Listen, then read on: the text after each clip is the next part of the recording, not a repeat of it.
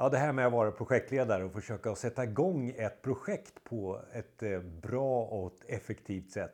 Det kan ju vara en utmaning, det känner du till, du som är projektledare. Och det här med att kanske använda barnet i det och jobba med klara, färdiga, gå och ställa lite frågor sådär inledningsvis kan också göra att projektet kommer igång på ett bra sätt. Här är en del tips på frågor som kan ställas i, initialt i ett projekt när du just har kommit till projektet och, och vill få ordning på vad är det för någonting vi ska göra egentligen. Så det första kan ju vara till exempel att fråga om projektet verkligen behöver göras. Hur viktigt är det egentligen? Och vad ska det här leda till, det här projektet, både på kort och, och lång sikt? Och vad ska vi lösa för det riktiga, vad är det riktiga problemet det här projektet ska lösa för någonting?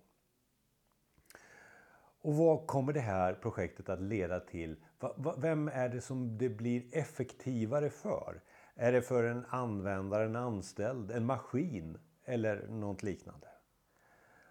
Och vad är det för några projektbegränsningar? Det här klassiska. Eh, pengar, eh, tid, kvalitet och omfång. Och hur mäter vi det här eh, projektet om man tittar på kanske Eh, hela företagets strategi, mål eh, och affärsnytta? Det där ska också projektet sättas i relation till. Och just det här just företagets mål. Vad är det någonstans? Vad är våran pusselbit i vårat projekt i företagets mål? Och vem är det som är mottagaren och vilka intressenter finns det i projektet? Det kan ju finnas sådana som är intresserade av projektet men kanske inte är eh, aktivt deltagande. Det är bra att identifiera dem också så här i början. Och vilka risker, frågor och, och beroenden finns runt det här projektet? Och det kan också vara eh, förväntningar på projektet, eh, både dolda och offentliga. gäller att hitta dem här i början. Och det är också det här, vad ligger då i projektets omfång och vad ligger då inte i projektets omfång? Det är också viktigt att eh, klarlägga så här i början.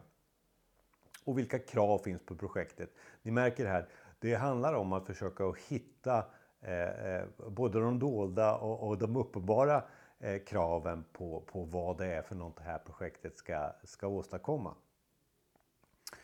Och finns det föreslagna eller alternativa lösningar på projektet? För det kan det ju finnas. Eh, det kan ju finnas eh, någon idé om hur det här ska lösas. Men det kan ju finnas alternativ. Och finns det så ska man ju ta lärdom av tidigare erfarenheter och, och misstag.